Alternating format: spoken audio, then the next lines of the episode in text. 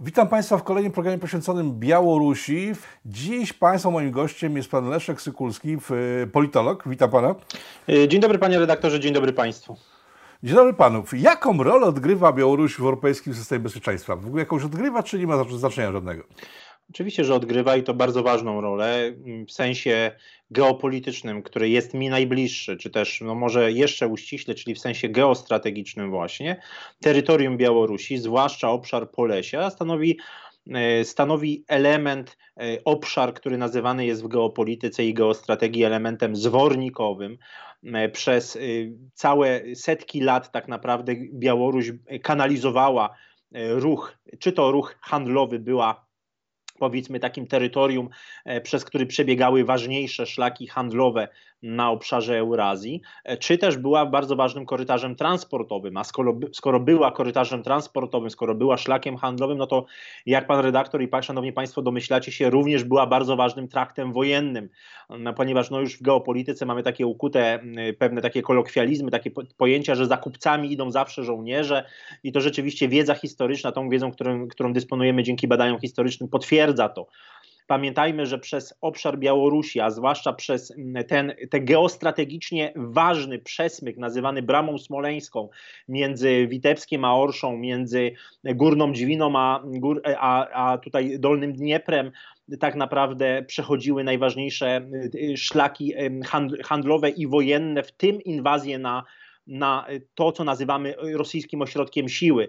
E, czy było to, e, czy było to oczywiście państwo rosyjskie, czy, była to, czy był to Związek Sowiecki, to tamtędy, tamtędy przechodziły te wyprawy. No przypomnieć wystarczy tylko wyprawę polską w 1610 roku i zajęcie Moskwy, wyprawę Napoleona w 1812 roku, e, czy inwazję Hitlera w roku 1941, operację Barbarossa.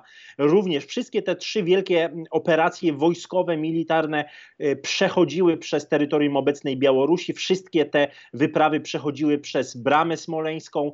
Co więcej, warto sobie oczywiście także sięgnąć pamięcią do roku 1772, czyli do pierwszego rozbioru Polski, kiedy Wolter pisał list do carycy Katarzyny II, pytał ją, dlaczego zadowoliła się tak naprawdę najmniej wartościowymi spośród trzech E, właśnie tych zdobyczy terytorialnych spośród trzech państw e, e, terytorium, tym obszarem. Na to caryca Katarzyna odpowiedziała swojemu ulubieńcowi, że y, zajęła tak naprawdę najbardziej istotny, najwartościowszy pod względem strategicznym obszar, a właśnie to była między innymi brama, brama smoleńska. Do dziś ten obszar stanowi bardzo ważny obszar studiów wojskowych w Federacji Rosyjskiej, także w Republice Białoruś. Był bardzo obszernie opisywany w okresie międzywojennym przez wybitnych polskich wojskowych, geostrategów takich jak Jerzy Niezbrzycki, piszący później już w latach, w późniejszych latach pod pseudonimem Ryszard Wraga, czy też pułkownik Roman Umiastowski. Kapitan Jerzy Niezbrzycki był oczywiście związany z dwójką przedwojenną, czyli z wywiadem. Napisał bardzo ciekawe studium wydane w roku 1930 pod tytułem Polesie, opis wojskowo-geograficzny i studium terenu. E, podobnie zresztą jak Roman Umiastowski, który poświęcił kilka ważnych prac. No tutaj polecę, mogę tylko polecić takie bardzo ważne opracowanie z roku 1924 pod tytułem Geografia wojenna Rzeczpospolitej Polskiej i ziem ościennych zarówno terytorium Białorusi, Polesia, Bramy Smoleńskiej, tam znalazły swoje bardzo silne odzwierciedlenie. Niestety w III Rzeczpospolitej e, pojęcie geografii wojennej poza krótkim epizodem lat 90 i Akademią Obrony Narodowej tak naprawdę zostało zepchnięte. Przestaliśmy mówić w ogóle o geografii wojennej. Geografia wojenna jako przedmiot została wyrugowana tak naprawdę z polskich uczelni została zastąpiona przez pewien czas geografią wojskową. Tutaj geostrategia również nie cieszyła się nigdy wielką, y, wielkim jakimś szacunkiem na polskich uniwersytetach. Poza Akademią Obrony Narodowej tak naprawdę nie była geostrategia na poważnym poziomie wykładana w Polsce. Zupełnie inaczej niż ma to miejsce w Federacji Rosyjskiej, w Stanach Zjednoczonych czy we Francji. Pytanie, które samo się narzuca. Jak wygląda polska polityka w stosunku do Białorusi? Na przestrzeni ostatnich 30 lat, patrząc od momentu, kiedy odzyskaliśmy niepodległość? Mm, Jaka jest Pana ja ocena jestem, tej polityki? Ja jestem bardzo krytyczny, jeśli chodzi o polską politykę wschodnią. Uważam, że to, co nazywamy polską polityką wschodnią, jest pewnym namiastką, jest pewną namiastką, jest pewnym surogatem, mm, pewną protezą polityki, e, polityki wschodniej.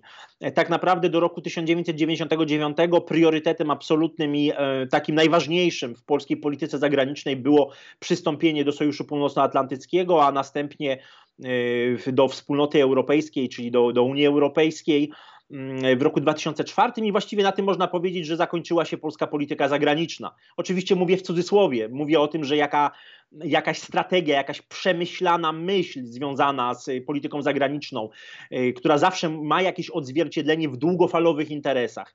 Poza wstąpieniem do, do Sojuszu Północnoatlantyckiego i Unii Europejskiej, tak naprawdę polscy decydenci, elity okrągłostołowe, y, establishment, który się narodził w wyniku porozumienia komunistów z tak zwaną opozycją demokratyczną, nie miała naprawdę żadnego, żadnego pomysłu na politykę zagraniczną i tutaj absolutnie nie mam, na, na, nie marginalizuję obozu skupionego wokół Leszka Moczulskiego i koncepcji Międzymorza, ponieważ to był margines, nie trzeba tego marginalizować został, sama koncepcja Międzymorza została odgrzana przez Amerykanów, została odgrzana przez mm, Departament Stanu Stanów Zjednoczonych i to, co dzisiaj widzimy w postaci inicjatywy Trójmorza jest koncepcją amerykańską, expressis verbis amerykańską. Doskonale opisał to profesor, mm, profesor Chodakiewicz, doskonale opisał to dr George Friedman mm, w swoich, w swoich pismach, w swoich wystąpieniach. Obaj panowie bardzo, bardzo wnikliwie to opisywali, więc myślę, że tutaj sprawa jest oczywista. George Friedman kilka lat temu w Chicagowskiej Radzie Spraw Globalnych dokładnie powiedział, że Stanom Zjednoczonym potrzebny jest, cytuję, kordon sanitarny w Europie Środkowej, kordon, który będzie rozdzielał Niemcy i Rosję. Powrót do koncepcji Jean-Jacques Clemenceau z 1919 roku w książce o Międzymorzu profesor Chodakiewicz, również profesor Marek Chodakiewicz, również bardzo, no właściwie expressis verbis na pierwszych stronach już tej książki powiedział wyraźnie, że Międzymorze jest budowane w interesie Stanów Zjednoczonych. Zatem ściśle takiej, powiedziałbym, rdzennie polskiej polityki wschodniej, która byłaby wyrazem interesów polskich, która byłaby reprezentantem pewnej strategii, czyli długofalowych interesów, długofalowej polityki, Polska nigdy po 1989 roku nie stworzyła. Polska tak naprawdę stosuje politykę wobec swoich wschodnich sąsiadów, która jest refleksem, która jest wypadkową relacji Stanów Zjednoczonych z tymi państwami. Im Stany Zjednoczone są bardziej agresywnie nastawione wobec Rosji, tym Polska również jest bardziej nastawiona agresywnie wobec Rosji. I to niestety jest smutna prawda. Całe partnerstwo wschodnie, które powiedzmy, na, na które powiedzmy od mniej więcej 2009 roku wielu, w którym wielu polskich decydentów, wielu polskich intelektualistów upatrywało wielką myśl geostrategiczną, która może się ziścić i tak naprawdę okazało się jednym wielkim niewypałem. Skończyło się mm, tak naprawdę biurokratyczną, biurokratycznym programem w ramach, w ramach Unii Europejskiej i nic więcej. Tak naprawdę nie udało się przeciągnąć. Jeżeli mówilibyśmy o realnym Międzymorzu, o powrocie do koncepcji Józefa Piłsudskiego, no to przede wszystkim należy sobie zadać pytanie, jakie miejsce Białoruś ma w takiej koncepcji. Ja tego nie widzę. Ja nie widzę w inicjatywie Trójmorza, w, w, w trójkącie lubelskim, czy też w porozumieniu lubelskim, które zainicjował profesor Jacek Czaputowicz, jeszcze były minister spraw zagranicznych już. Nie widzę żadnej, żadnej głębszej myśli geopolitycznej. Trójmorze czy porozumienie lubelskie, trójkąt lubelski nie ma najmniejszego znaczenia, jeżeli nie będzie w niej Białorusi, ponieważ Białoruś jest stworzeniem geostrategicznym tej części Europy, e, co doskonale e, opisał już w roku 1900 1997 nieżyjący już profesor Zbigniew Brzeziński w książce Wielka Szachownica. Doskonale te te zależności w tej części Europy oddają geopolitycy rosyjscy, współcześni geopolitycy rosyjscy e, i e, ta geopolityka rosyjska e, jest takim, można powiedzieć, bardzo silnym odzwierciedleniem klasycznych klasycznej myśli geopolitycznej, chociażby Karla Haushofera i widać, jakie wielkie znaczenie przywiązuje się w rosyjskiej myśli strategicznej do, do obszaru Białorusi czy Ukrainy. Polska myśl, jeśli chodzi o polską politykę zagraniczną, w żaden sposób tego nie, nie oddaje. Ja myślę, że polscy decydenci są kompletnie pogrążeni w pewnym maraźmie, uwierzyli w koniec historii Francisa Fukuyamy, uważają, że polityką międzynarodową rządzą wartości, rządzi polityka życzeniowa, że rządzi się chcieństwo, że to, że jak my chcemy, jak my będziemy mówić, to tak rzeczywiście jest i będzie. I to doskonale oddaje, nawet oddają to wpisy na, w mediach społecznościowych polskich dyplomatów, tak? Wystarczy spojrzeć na dzisiejszy wpis polskiego dyplomaty na Litwie, pana Pawła Purskiego, który stwierdził, że istnienie gry mocarstw jest kwestią wiary, a nie kwestią rzeczywistości, że istnienie pomostów, na przykład pomostu bałtycko-czarnomorskiego jest kwestią wiary, a nie rzeczywistości. Więc mamy do czynienia tak naprawdę z kakofonią, mamy do czynienia z y, pustosłowiem w polityce zagranicznej. Nie wynika z tego absolutnie nic. Widać wielką bezradność, widać kompletne niezrozumienie polityki realnej, zasad polityki realnej, tego, że polityka jest sztuką tego, co możliwe, że jest sztuką realizowania interesów, I niestety to widać doskonale w przypadku polskiej polityki wobec, wobec Białorusi po roku 1994. Rozumiem, bo gdybyśmy faktycznie brali na poważnie pomysły Trójmorza wykonanie dobrej zmiany, to w, w, robiono by wszystko, żeby pozyskać Łukaszenkę. E, tymczasem nie robione są żadne ruchy w tym kierunku, wręcz przeciwnie. E, jest telewizja Bielsat, która nawołuje cały czas Białorusinów od dekad e, do puczu i to jest chyba jedyna nasza działalność na tamtym terenie. Ale spytam inaczej, bo w, kiedy stawiać takie pytania ludziom e, związanym z obecnym tym rządem słychać jak mantra, że e, Łukaszenka jest nieprzystępny, gra na dwóch fortepianach, czyli na e, europejskim i na rosyjskim, nie chce pójść w żadną stronę, e, idzie prosto. No to pojawia się pytanie, jak Polska mogłaby pozyskać Łukaszenkę? Co moglibyśmy mu zaoferować w zamian za współpracę, nie ryzykując przy okazji efektu wschodniego, czyli reakcji rosyjskiej? Co można zrobić? Politycy PiS mają w części rację. Rzeczywiście prezydent Łukaszenka stosuje grę na wielu fortepianach, a przynajmniej na, na, na kilku. Mm, I, I tutaj mają rację, bo, ponieważ prezydent Łukaszenka wie, czym jest polityka realna, wie doskonale, czym jest e, stosowanie polityki wielowektorowej w takich oczywiście e, warunkach, w jakich jest to możliwe. Białoruś ma te warunki mocno, ale to bardzo mocno ograniczone w porównaniu do Polski, ma niezwykle ograniczone i ta polityka kilku wektorów, którą prowadzi prezydent Łukaszenka, polityka pewnego balansu, jaką próbuje prowadzić w niezwykle trudnych warunkach, e, uzależnienia gospodarczego, militarnego od Federacji Rosyjskiej, jest, e, można powiedzieć, e, czymś, jest pewnym ewenementem. Od 26 lat prowadzi politykę, dzięki której Republika Białoruś jest krajem, jest krajem niezależnym na arenie międzynarodowej, na tyle, na oczywiście, na ile jest, jest w stanie być niezależnym, ale odgrywa samodzielną, podmiotową, podmiotową rolę i, i, i z punktu widzenia interesu interesu państwa polskiego niepodległa Białoruś leży jak najbardziej w interesie państwa polskiego i należy to jak najbardziej podkreślić. Wspomniana przez pana redaktora telewizja Bielsat, nadająca od grudnia 2007 roku, jest tak naprawdę mm, bardzo drogim hobby pani Agnieszki Romaszewskiej, bardzo drogim hobby finansowanym niestety przez pieniądze, pieniądze podatników. Przez wiele lat było to kilkanaście milionów złotych, od niedawna jest to bodaj już 20 milionów złotych przekazywanych przez Ministerstwo Spraw Zagranicznych, a przecież nie są to to jedyne pieniądze, które telewizja Bielsat dostaje. Dostaje pieniądze od innych rządów, od innych państw. Pamiętajmy, że nadająca z terytorium Polski y, ta telewizja finansowana jest także przez inne rządy obcych państw. I tutaj musimy sobie zadać pytanie, jakie są efekty, jakie są skutki. W tym roku będzie 13 lat istnienia tej telewizji. Oczywiście... Jakie to państwa są? Y, no na przykład Departament Stanu Stanów Zjednoczonych, jest to na przykład Norwegia. To są informacje dostępne na stronie internetowej Bielsatu.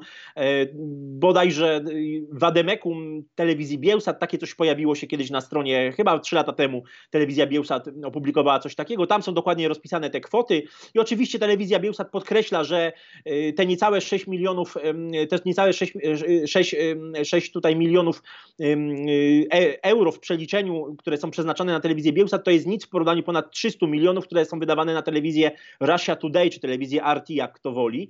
Oczywiście tak, tylko że telewizja RT reprezentuje interes rosyjski na całym świecie, jest to interes szeroko pojęty, łącznie e, jakby tutaj można powiedzieć i, i politykę historyczną obejmującą i politykę zagraniczną i kwestie gospodarcze, natomiast telewizja Bielsat nie reprezentuje interesu polskiego e, na arenie międzynarodowej, nie jest telewizją nadającą 24 godziny na dobę w języku angielskim w różnych e, kanałach, prawda, która reprezentowałaby polską politykę historyczną, historyczną, która sprzeciwiałaby się roszczeniom o tak zwane mienie bezspadkowe, która e, prostowałaby w kłamstwa, które pojawiają się w przestrzeni medialnej o polskich obozach śmierci, w cudzysłowie oczywiście, ale pojawiają się, wiemy dobrze, takie stwierdzenia oskarżeniom Polski o Holokaust, oskarżeniom także rosyjskim formułowanym chociażby od grudnia ubiegłego roku przez samego Władimira Putina. No nie mamy takiego medium. Wydajemy wydajemy około 20 milionów złotych rocznie na telewizję, no, która tak naprawdę nie ma większego znaczenia, jeśli chodzi o, e, o, o, tutaj o zasięg, tak? Dociera do około 13% dorosłych Białorusinów. Ja wiem, ja sobie zdaję sprawę, że pani Agnieszka Romaszewska czy e, inni dziennikarze telewizji Bielsat Będą starali się przedstawiać obecne wydarzenia na Białorusi jako swoją zasługę, tak? Łącznie z tym, że w fabryce traktorów, która zatrudnia 16 tysięcy pracowników, strajkują robotnicy, to jest zasługa telewizji Bielsat. No oczywiście, że nie.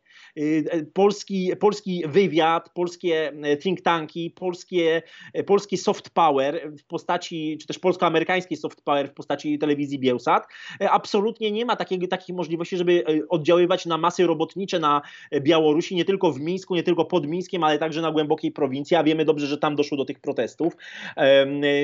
Ja, moja opinia, moja ocena jest taka, że nie byłoby tych protestów, gdyby nie decyzja Federacji Rosyjskiej, gdyby nie decyzja Kremla. Te protesty, ich skala, ich intensywność jest za aprobatą, jest nawet za, za nie tylko za przyzwoleniem, ale także za moim zdaniem aktywną, aktywną przyczyną Federacji Rosyjskiej, a jest to skutek. To, co dzisiaj widzimy, to nie jest skutek działalności telewizji Bielsat, to nie jest skutek działalności polskiego MSZ-u, ani wartości demokratycznych, praw człowieka, walki z dyktaturą.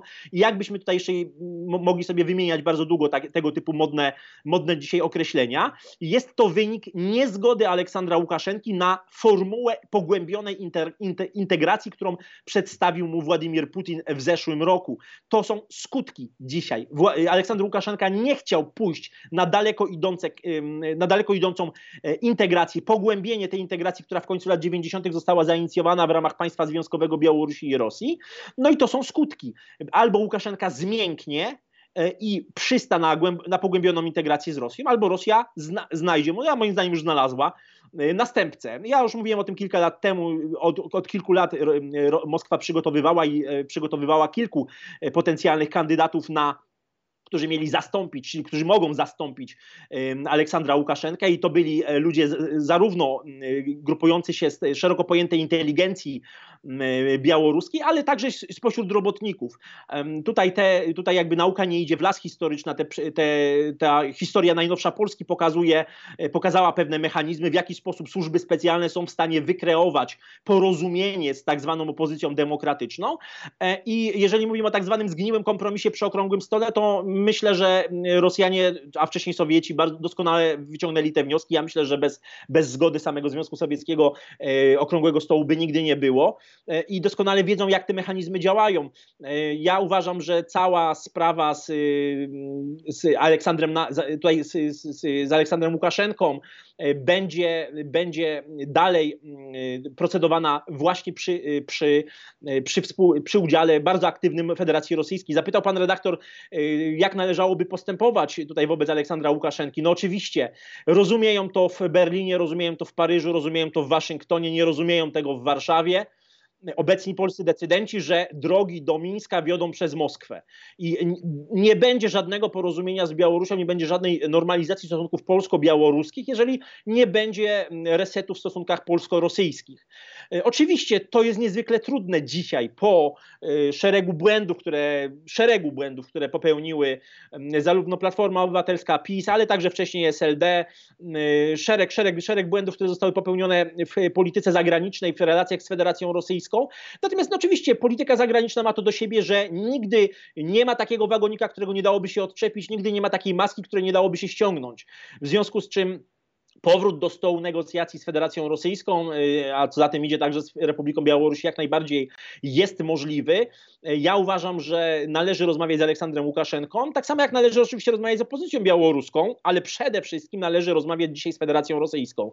I tak jak powiedziałem, rozumie to Y, Donald Trump, rozumie to Angela Merkel, rozumie to prezydent Macron, nie rozumie tego e, prezydent Andrzej Duda, nie rozumie tego e, premier Morawiecki, nie rozumiał tego e, profesor Czaputowicz. Nie wiem, jak będzie z profesorem Rałem, ale mam nadzieję, że wreszcie przyjdzie jakiś kubeł zimnej wody i zaczniemy myśleć realnie o polityce zagranicznej i zaczniemy rozmawiać z Federacją Rosyjską. Jeżeli ja czytam w New York Timesie, e, że nie ma żadnego nie ma żadnej, żadnej sprzeczności interesów między Stanami Zjednoczonymi a Federacją Rosyjską na obszarze Białorusi, no to powinno to już dać dużo do myślenia naszym, naszym decydentom. Zatem e, rozmawiać z każdym, ale przede wszystkim normalizować y, relacje z Federacją Rosyjską, doprowadzić do resetu w stosunkach polsko-rosyjskich.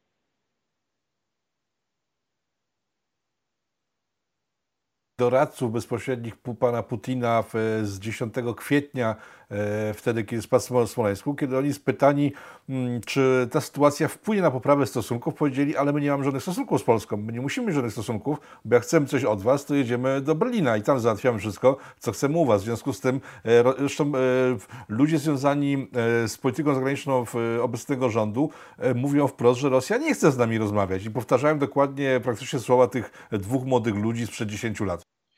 Yy, powiem tak, yy, oczywiście możemy bardzo długo narzekać na to, co, czego nie udało się zrobić, co zrobiono źle w polityce zagranicznej, jakich, yy, jakie błędne decyzje kadrowe były podejmowane. Moglibyśmy poświęcić cały cykl programów. Myślę, że kilkaset tych programów mogłoby być i, i, i nie skończylibyśmy tematu. Natomiast ja jestem realistą, jestem, uprawiam geopolitykę, geostrategię i uważam, że należy mówić o tym, co jest możliwe dziś.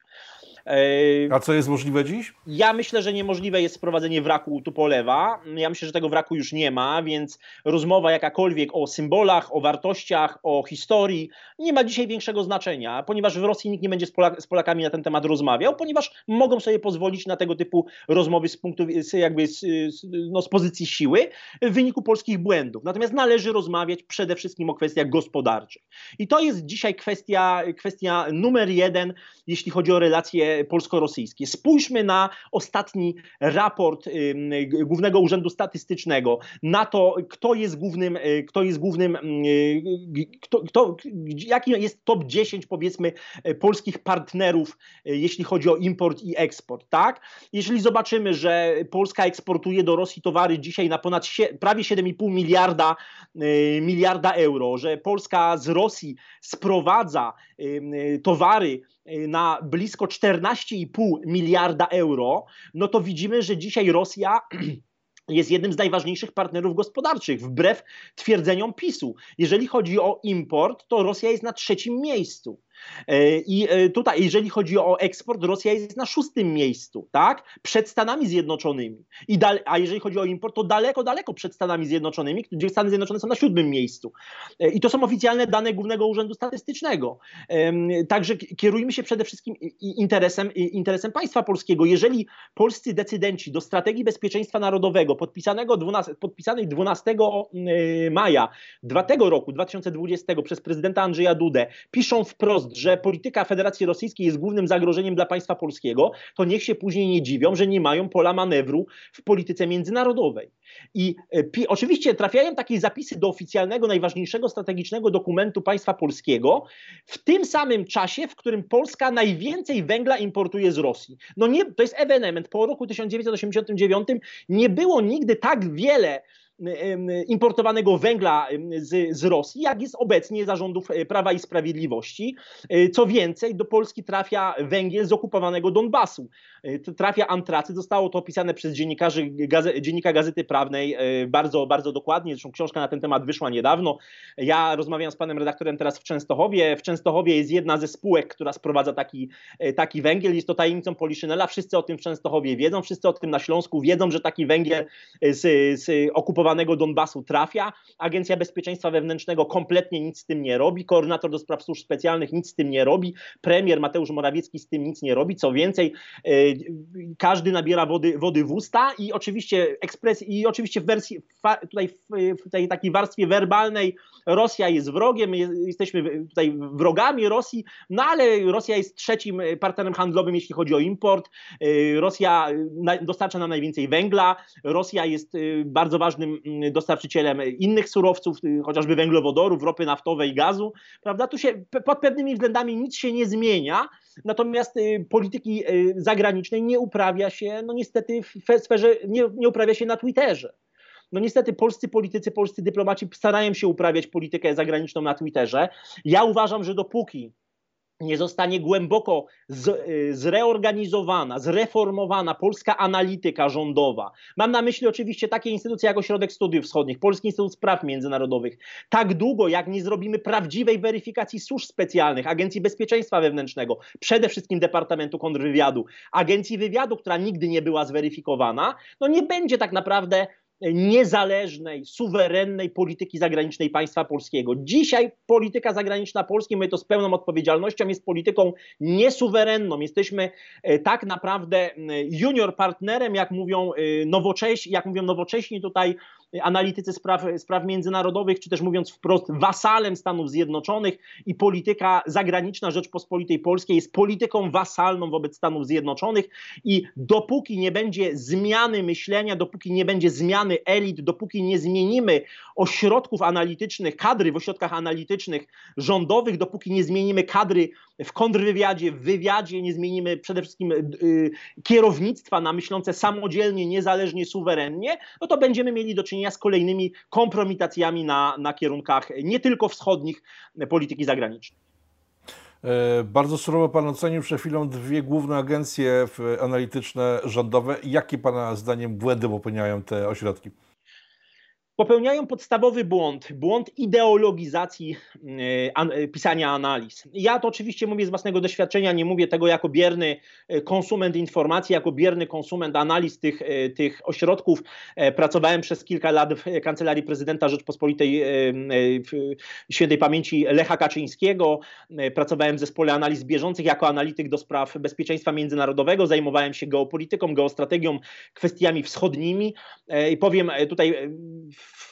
wprost i panu redaktorowi i, i, naszym widzom, to nie jest żadną tajemnicą, że zespół analiz bieżących w kancelarii prezydenta Kaczyńskiego powstał po to, e, aby dostarczać analizy niezależne prezydentowi, ponieważ pan prezydent Lech Kaczyński nie wierzył analizom Ośrodka Studiów Wschodnich, czy pismu, czy analizom e, polskich służb specjalnych, nie dowierzał tym analizom, doskonale wiedział, że są to analizy pisane z klucza ideologicznego, a nie z klucza merytorycznego.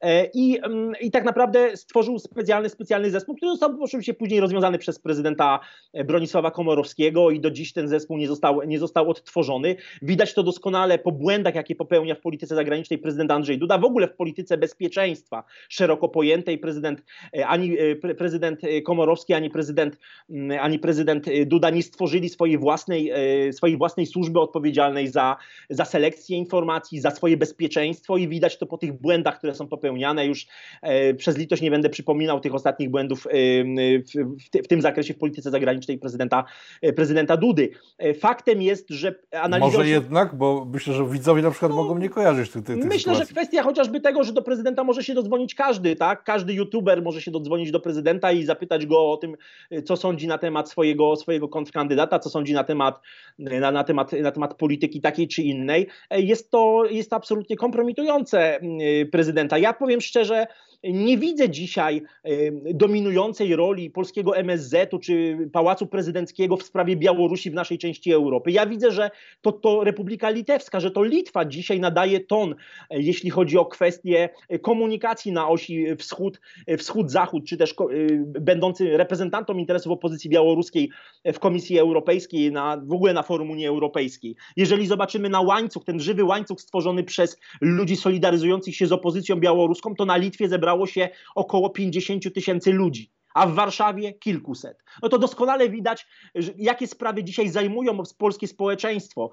To widać doskonale, jak polskie elity polityczne fatalnie tak naprawdę mm, y, y, funkcjonują w obszarze polityki zagranicznej. No jeżeli dzisiaj tematem numer jeden jest, jest kwestia rasizmu w Stanach Zjednoczonych, kwestia Black Lives Matter, jeżeli tematem numer jeden dzisiaj w Polsce jest kwestia LGBT, a nie jest kwestia tego, co się dzieje u naszego wschodniego sąsiada, czyli kwestia tak naprawdę najbardziej geostrategiczna z geostrategicznych, jakie mogą dzisiaj istnieć, no to pokazuje tak naprawdę yy, pewne, no powiedziałbym, bardzo dużą deprecjację kwestii ważnych w polskim myśleniu, w polskim myśleniu o rzeczywistości nas otaczającej. To jest bardzo niebezpieczne.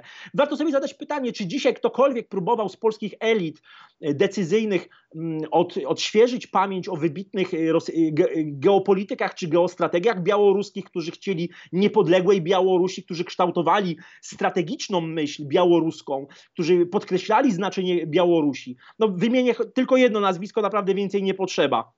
Arkać Smolicz, stracony przez NKWD w roku 1930, e, przez w ogóle sowiecka bezpieka, podobnych jak Arkać Smolicz zgładziła znacznie więcej, ale w Omsku e, w 1938 roku Arkać Smolicz, wybitny geograf białoruski, e, człowiek, który napisał doskonałe podręczniki na temat geografii Białorusi, które tłumaczą więcej tak naprawdę niż całe tomy dzisiaj, dzisiejszych opracowań z zakresu stosunków międzynarodowych, które powstają na terenie Polski. Arkać Smolicz jest dzisiaj postacią praktycznie zapomnianą, jeżeli chodzi o nawet opozycję białoruską, która dzisiaj y, powiedzmy demonstruje w Warszawie. I to też widać bardzo nikłe horyzonty strategiczne tej, tej opozycji białoruskiej. No spójrzmy, co dzisiaj mówi e, taki, taki opozycjonista, ja, mu, ja nazywam go opozycjonistą w cudzysłowie, e, jak, jak Walerii Cepkało na przykład, bardzo ochoczo wit, witany przez jednego z polityków Platformy Obywatelskiej na Okęciu w Warszawie, tak?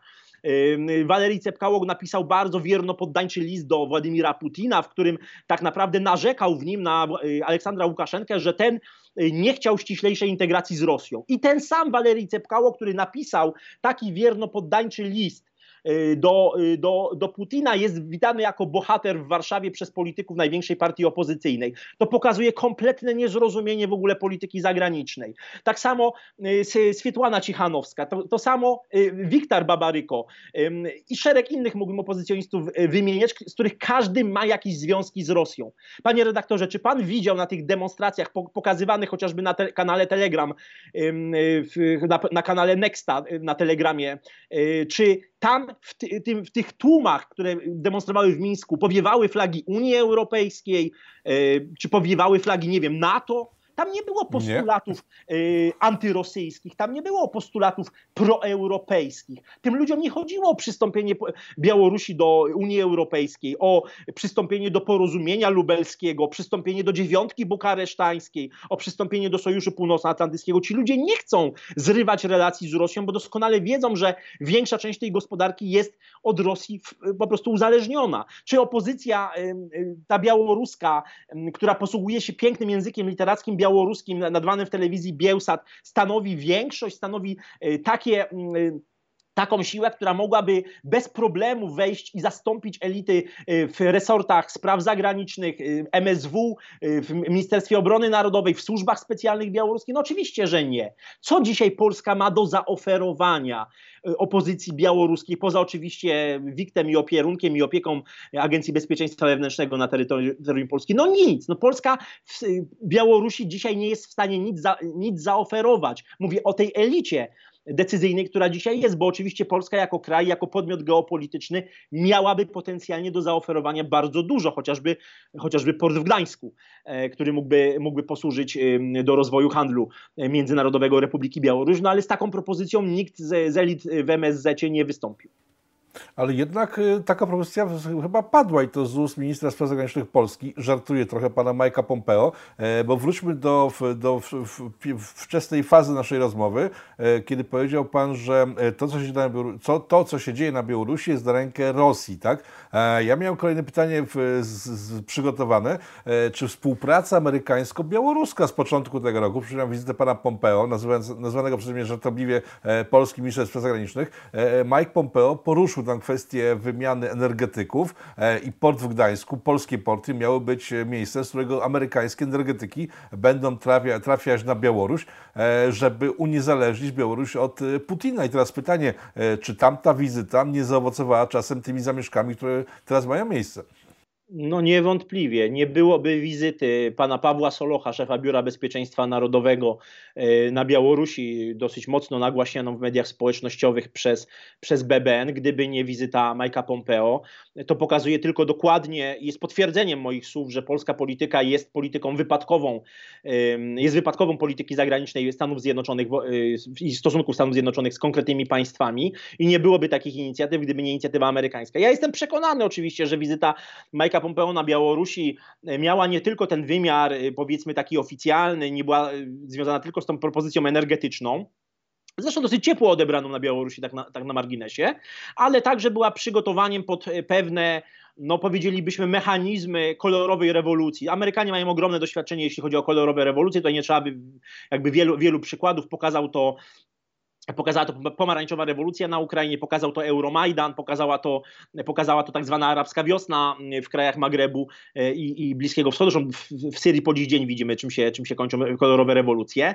Ja uważam, że bardzo źle, że tego typu inicjatywy wychodzą, wychodzą od, e, ze strony Stanów Zjednoczonych, a nie ze strony Polski. W Polsce tego typu koncepcje w środowisku akademickim istniały już bardzo dawno, e, bardzo, bardzo dawno. Ja pamiętam jeszcze koncepcję pana profesora Palmowskiego, e, który uważał Białoruś za kraj bałtycki, tak? To była koncepcja zapomniana dzisiaj w Polsce, ale koncepcja moim zdaniem niezwykle ważna i aktualna, koncepcja Europy Bałtyckiej, czyli państwa jako przede wszystkim kraju bałtyckiego, nie kraju pomostu bałtycko-czarnomorskiego, ale kraju stricte właśnie Europy Europy Bałtyckiej, która powinna rozwijać e, przede wszystkim, tutaj powiedzielibyśmy taki bursztynowy sojusz, tak, że polską strategią powinna być strategia bursztynowa, czyli strategia e, rozwoju opartego o geoekonomię, o rozwój ekonomiczny e, właśnie w oparciu o basen Morza, Morza, Morza Bałtyckiego, wykorzystując oczywiście także chociażby jedną z nitek tak zwanego nowego jedwabnego szlaku i wykorzystując zaangażowanie Chińskiej Republiki Ludowej gospodarcze na obszarze Eurazji. E, więc Polska mogłaby być niewątpliwie takim stworzeniem, zwornikiem e, e, gospodarczym tej części Europy i być niewątpliwie reprezentantem interesów Białorusi. No bo gdybyśmy rzeczywiście udostępnili nasze porty, połączyli infrastrukturę energetyczną, czy, czy znaczy infrastrukturę energetyczną i tak mamy w, w dużej mierze połączoną, ale gdybyśmy zaoferowali odbiór chociażby prądu z elektrowni w Ostrowcu z Białorusi, no oczywiście kwestia samej, samej budowy tej elektrowni, tego, że tam specjaliści rosyjscy i za kredyty rosyjskie jest budowana ta elektrownia, to jest osobna sprawa, natomiast no, my nie daliśmy żadnego pola manewru Aleksandrowi Łukaszence. No to jest ten główny problem. Polska optując za sankcjami na Białoruś tak naprawdę od samego początku y, wpychała Łukaszenkę w objęcia, w objęcia Putina, tak? I to widać doskonale po wejściu Polski do NATO po roku 1999. Pamiętajmy, że państwo związkowe Rosji i Białorusi przez długi, długi czas było tak naprawdę na papierze. Owszem, była swobodna, swobodny przepływ towarów, usług, ludzi, jak najbardziej. Po tajemnicą Poliszynela jest, że oficerowie oficerowie FSB, którzy odchodzili na emeryturę, bardzo często przechodzili do KGB białoruskiego. E, stąd jakby te wpływy, te relacje towarzyskie, rodzinne między białoruskimi a rosyjskimi e, resortami siłowymi są bardzo bliskie. No ale niemniej jednak należy rozmawiać, należy prowadzić taką politykę, jaka jest możliwa. Polska nic nie proponowała Aleksandrowi Łukaszence. Gdyby wyszło takie porozumienie, że zapraszamy Białoruś na naprawdę równych warunkach i do porozumienia lubelskiego, i do y, nowej koncepcji Międzymorza, no ale Międzymorza właśnie, które jest Międzymorzem, a nie jest kadłubem, nie jest protezą, bo Trójmorze jest tylko i wyłącznie protezą, jest, jest amerykańskim kordonem sanitarnym I, i, przyjęcie na siebie kordonu sanitarnego jest niestety nie, nie, niezwykle niebezpieczne, ponieważ sprowadza Polskę do terytorium potencjalnej, e, te, potencjalnego terytorium proxy war, czyli wojny zastępczej. I to jest bardzo niebezpieczna sytuacja. Dzisiaj Amerykanie są w stanie bardzo wysoko licytować z Rosją, mając y, lądowy lotniskowiec w postaci Rzeczpospolitej, mając swoje oczywiście logistyczne bazy, bo doskonale wiemy, że te 4,5 czy docelowo 5,5 tysiąca żołnierzy amerykańskich y, w sensie jakby militarnym nie ma większego znaczenia, natomiast jest zabezpieczeniem interesów amerykańskich w tej części Europy, jest powstrzymaniem ekspansji chińskiej, również tej gospodarczej w tej części Europy i jest niewątpliwie y, instrumentem nacisku na Federację Rosyjską. Bardzo niedobrze, że przyjmujemy na siebie rolę właśnie e, takiej pałki e, antyrosyjskiej w rękach, e, w rękach amerykańskiego, amerykańskiego gracza, który w każdej chwili może się stąd wycofać. Gdyby doszło do eskalacji napięcia na Morzu Południowochińskim, na obszarze Indo-Pacyfiku, to jestem tego, jestem przekonany, że Stany Zjednoczone wycofałyby się nie tylko z Syrii, nie tylko z Bliskiego Wschodu, ale także, także z Europy Środkowo-Wschodniej i wtedy pozostajemy sa, sam na sam z no nie tylko, nie tylko Rosją, ale także, ale także Niemcami. Tutaj absolutnie eskalowanie napięć w stosunkach międzynarodowych, nie tylko na wschodzie, ale i na zachodzie, nie służy nam. Pamiętajmy, że Niemcy są e, głównym partnerem handlowym. E, import e, tutaj z Niemiec to jest ponad 50 miliardów euro, a eksport Polski do, do Niemiec to jest ponad 60, około 65 miliardów, miliardów euro, euro. Mówię oczywiście o danych za zeszły rok, zgodnie z danymi GUS-u. Zatem eskalowanie napięcia w relacjach międzynarodowych z naszymi sąsiadami jest absolutnie nie korzystne z punktu widzenia interesów państwa polskiego. No dobrze, jeżeli mówisz właśnie o interesach państwa polskiego i, i tym, co robią Amerykanie, tutaj widzę e, przeciw, e, przeciwbieżne wektory. Z jednej strony e, USA zależy na tym, żeby, zależy, powinno chyba zależeć, żeby Białoruś była stabilna, bo chce nam sprzedawać energetyki, a z drugiej strony, jak Pan wspomniał, Bielsat jest sponsorowany przez Amerykanów. Rząd polski w żaden sposób nie jest upominany przez Amerykanów za swoją politykę w stosunku do, do Białorusi. Jak to rozumieć? No, jeżeli się chce tam stabilizacji, to należałoby wpłynąć na rząd w Warszawie, żeby ten także do, do stabilizacji dążył. Tymczasem e, takich akcentów w ogóle nie ma. Amerykanie sobie doskonale poradzą, amerykańska gospodarka doskonale sobie poradzi bez e, eksportu węglowodorów na Białoruś, proszę mi wierzyć. Natomiast mm, jeżeli chodzi o y, politykę polską wobec Białorusi, to jak, jak, jak wygląda odbiór tego w Stanach Zjednoczonych, to ja utrzymuję oczywiście kontakty z ekspertami, z badaczami ze Stanów Zjednoczonych, z Wielkiej Brytanii, z zachodniej Europy mm, i, e, i wiem, że wielu e, amerykańskich ekspertów jest zaniepokojonych retoryką, retoryką polską. Kwestia tego, że w przestrzeni gdzieś tam medialnej czy w mediach społecznościowych społecznościowych pojawiły się jakieś niemądre, podkreślam, niemądre e, wypowiedzi na temat e, ewentualnego w cudzysłowie odzyskania Grodna i tak dalej. Nie będę tego dalej powtarzał. Wiemy o co chodzi. Bardzo niemądre słowa, będące wodą na młyn dla rosyjskiej propagandy. E, to bardzo zaniepokoiło stronę amerykańską. To wiem z nieoficjalnych kanałów, mam swoich znajomych w Stanach Zjednoczonych, w ośrodkach akademickich i, i wiem, że wśród badaczy, ekspertów stosunków międzynarodowych, geopolityki, geostrategii wywołało to takie no, poruszenie i takie niezrozumienie. Ale faktycznie, faktycznie eksperci zachodni przejmują się tym, co piszą e, dziennikarze niszowych gazet w Polsce? Nie, eksperci zachodni przejmują się tym, co mówi państwowa rosyjska telewizja ponieważ pamiętajmy, że Rosja 1, y, główny, jeden z głównych kanałów rosyjskiej, rosyjskiej telewizji, y, jak najbardziej nagłośnił całą sprawę. No nie trzeba było długo czekać, jakby to też nikogo nie zdziwiło specjalnie, że, że Rosjanie będą nagłaśniać tego typu sprawy i, i, oczywiście, y, i oczywiście tutaj należy być bardzo ostrożnym obecnie w, w udzielaniu wywiadów mediom rosyjskim. Ja nie jestem przeciwnikiem udzielania wywiadów mediom rosyjskim, ale należy wiedzieć, co się mówi, po co się mówi i komu się mówi oczywiście. Nie uważam, że powinna być jakaś anatema, jakiś, jakiś, jakaś zmowa umowa milczenia w zakresie rozmawiania z mediami amerykańskimi, brytyjskimi, rosyjskimi, ukraińskimi, chińskimi, czy jakimikolwiek innymi, czy, pers- czy irańskimi. Uważam, że rozmawiać należy z każdym, natomiast oczywiście trzeba wiedzieć, co się mówi i po co.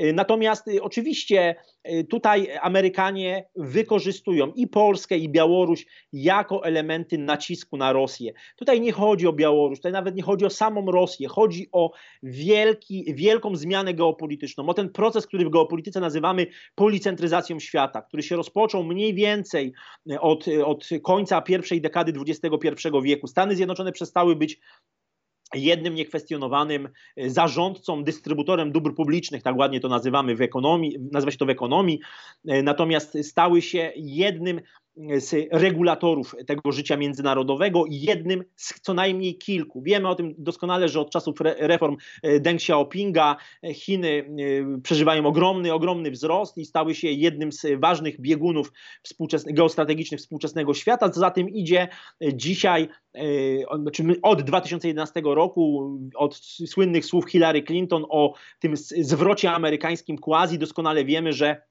Głównym rywalem Stanów Zjednoczonych na arenie międzynarodowej nie jest Federacja Rosyjska, wcale nie jest nią e, Iran, nie jest nią żadne inne państwo, ale właśnie Chińska Republika Ludowa. I to amerykańscy strategzy, amerykańscy generałowie, amerykańscy przedstawiciele służb specjalnych przygotowują się już od kilkunastu lat do pełnoskalowej konfrontacji z Chińską Republiką Ludową i, nie to, i to dla nikogo e, zajmującego się profesjonalnie sprawami międzynarodowymi nie stanowi żadnej, żadnej e, oczywiście tajemnicy. Co za tym idzie, jeżeli Amerykanie przygotowują się do wielkiego starcia z Chinami, a pamiętajmy, że Chiny wcale nie są na straconej pozycji, ponieważ jeżeli spojrzymy chociażby na sytuację strategiczną na Morzu Południowochińskim, na lądowe lotniskowce chińskie, mam na myśli te sztuczne wyspy sypane przez, przez Chińczyków, na y, lotniska budowane tam, na y, systemy rakietowe, y, systemy A2AD, tak, systemy antydostępowe, odstraszania, no to widzimy, że Chińczycy wcale nie są na straconej pozycji. Co więcej, potencjalna aneksja Tajwanu byłaby moim zdaniem kwestią, kwestią tak naprawdę kilku dni, jeżeli chodzi o operację militarną. W regionie. Zatem tutaj Amerykanie poszukują sojuszników, a jeśli nie, soj, a jeśli nie sojuszników, to krajów, państw liczących się o strategicznym znaczeniu, które zachowają przynajmniej życzliwą neutralność w przypadku jakiegoś większego konfliktu, także kinetycznego z Chinami. A niewątpliwie Rosja, chociaż oczywiście żadną potęgą gospodarczą nie jest, jest krajem istotnym, odgrywającym o wiele większe, mającym o wiele większe znaczenie na arenie międzynarodowej niż wskazywałyby to wskaźniki takie jak PKB, produkt narodowy brutto czy tam produkt na mieszkańca. Wynika to oczywiście z dywidendy geograficznej, z położenia Rosji, z tego, że Rosja kontroluje chociażby północną drogę morską, tak, jeden z, jedną z ważnych odnóg morskich nowego jedwabnego szlaku i tak dalej, i tak dalej. Tutaj można oczywiście dziesiątki przykładów podawać. Dlatego Rosja jest istotna, jest, jest, jest partnerem dla Stanów Zjednoczonych dzisiaj, i, a takie państwa jak Białoruś czy, czy Polska są traktowane jako instrumenty nacisku. I oczywiście Stany Zjednoczone są w stanie eskalować takie napięcie z Federacją Rosyjską na poziomie regionalnym. Na tej drabinie eskalacyjnej są w stanie zejść nawet bardzo wysoko, a nawet gdyby doszło do jakiejś formy konfliktu w tej części Europy, e, nazwijmy to konfliktem hybrydowym, chociaż ja nie lubię tego określenia, ale niech będzie, że to byłby jakaś, jakaś forma konfliktu nieliniowego i E, Polska na tym straciłaby, no bo Polska kraj, jako kraj frontowy na pewno na tym straci. Polska jako kraj frontowy nigdy nie zyskiwała na, tej, e, na, tej, na, na tym swoim położeniu w chwili, kiedy stawała się czynnym, aktywnym albo też no, biernym, ale zaangażowanym e, w rozgrywki wielkich mocarstw teatrem działań, e, to Amerykanie nic nie tracą. Amerykanie mają tutaj e, wojska rotacyjne, są w stanie bardzo szybko te wojska zrotować, zrolować, używając takiego kolokwialnego określenia, są bardzo, tak samo jak są w stanie szybko je rozśrodkować, tak samo są w stanie doprowadzić do do ich przegrupowania, strategicznego przegrupowania na terytorium Federal Republiki Federalnej Niemiec i dalej oczywiście y, na, na, na zachód, aż do, na przykład do Stanów Zjednoczonych, albo do, przerzucić je w dowolny inny region świata, to nie stanowi żadnego problemu. Ja się zgadzam z tym, co powiedział generał Ben Hodges, wysoki, naprawdę wysoki rangą dowódca y, Armii Stanów Zjednoczonych, który powiedział, że w interesie Stanów Zjednoczonych nie jest dyslokacja stałych baz, czy też dywizji uderzeniowych na terytorium e, Polski, czy jakiegokolwiek innego kraju e, tak zwanej wschodniej flanki NATO, oczywiście mam na myśli tutaj Rumunię, e, z tego punktu widzenia, że wiązałoby to Stanom Zjednoczonym ręce, nie dawałoby elastyczności, nie pozwalałoby stosować doktryny elastycznego reagowania, a niewątpliwie Stany Zjednoczone stosują doktrynę elastycznego reagowania w relacjach z Rosją. No bo przecież gdyby nie stosowały, gazociąg Nord Stream nigdy by nie powstał. Tak, doskonale wiemy o tym, że administracja prezydenta Baracka Obamy wycofała się z planów rozmieszczenia y, amerykańskiej tarczy antyrakietowej, tak zwanej tarczy antyrakietowej, bo to termin publicystyczny, czyli elementów obrony przeciwrakietowej Stanów Zjednoczonych na terytorium Polski 17 y, września 2009 roku. Y, słynna, smutna data dla Polaków, bardzo symboliczna, pokazująca, pokazująca tak naprawdę, no, jak, jak Stany Zjednoczone traktują, jak, jak Stany Zjednoczone traktują Polskę. Wiemy, że dzisiaj ta, ta, ta, baza nie może być tak naprawdę wybudowana, są cały czas problemy, mówię o Redzikowie pod Słupskiem, e, narastają cały czas problemy, no i one będą, bo to oczywiście są problemy nie natury finansowej, ale natury politycznej czy geopolitycznej. Dopóki e, Stany Zjednoczone lawirują, balansują, prowadzą politykę absolutnie wielowektorową, e, to, to Polska będzie, będzie tutaj marionetką w, w rękach dyplomatów amerykańskich. No, Nord Stream 2 został zablokowany jednak. Tutaj czasowo tak, dość, dość duża zmiana. Czasowo tak, czasowo został zablokowany, natomiast e, pamiętajmy, że połączenia, połączenia e, gazowe e, Rosji to nie tylko przecież Nord Stream, który funkcjonuje, dwie nitki Nord Streamu e, funkcjonują, ale także, także szereg innych połączeń gazowych e, tutaj rosyjskich, także inwestycje w energetykę jądrową, chociażby na Węgrzech, wystarczy, wystarczy wspomnieć o tym, o tym projekcie, więc, więc widać, że Polska nie prowadzi dzisiaj nawet polityki dywersyfikacji e, energetycznej e, skutecznej. Tak? Mówi się bardzo wiele o tym uniezależnieniu się od Rosji. Ja tej polityki skutecznej, bardzo skutecznej nie widzę. Znaczy, ja widziałbym taką politykę skuteczną, gdyby Polska wybudowała e, elektrownię jądrowej, to nie jedną elektrownię, a kilka takich elektrowni jądrowych w technologii, nie wiem, południowo-koreańskiej, japońskiej, czy nawet amerykańskiej, czy francuskiej i kupowała paliwo jądrowe z Australii, z, czy, czy, czy, czy, z Indii. No wiemy, że tam, że, że tor czy, czy uran można kupować z wielu, z wielu różnych państw, nie tylko z Federacji Rosyjskiej,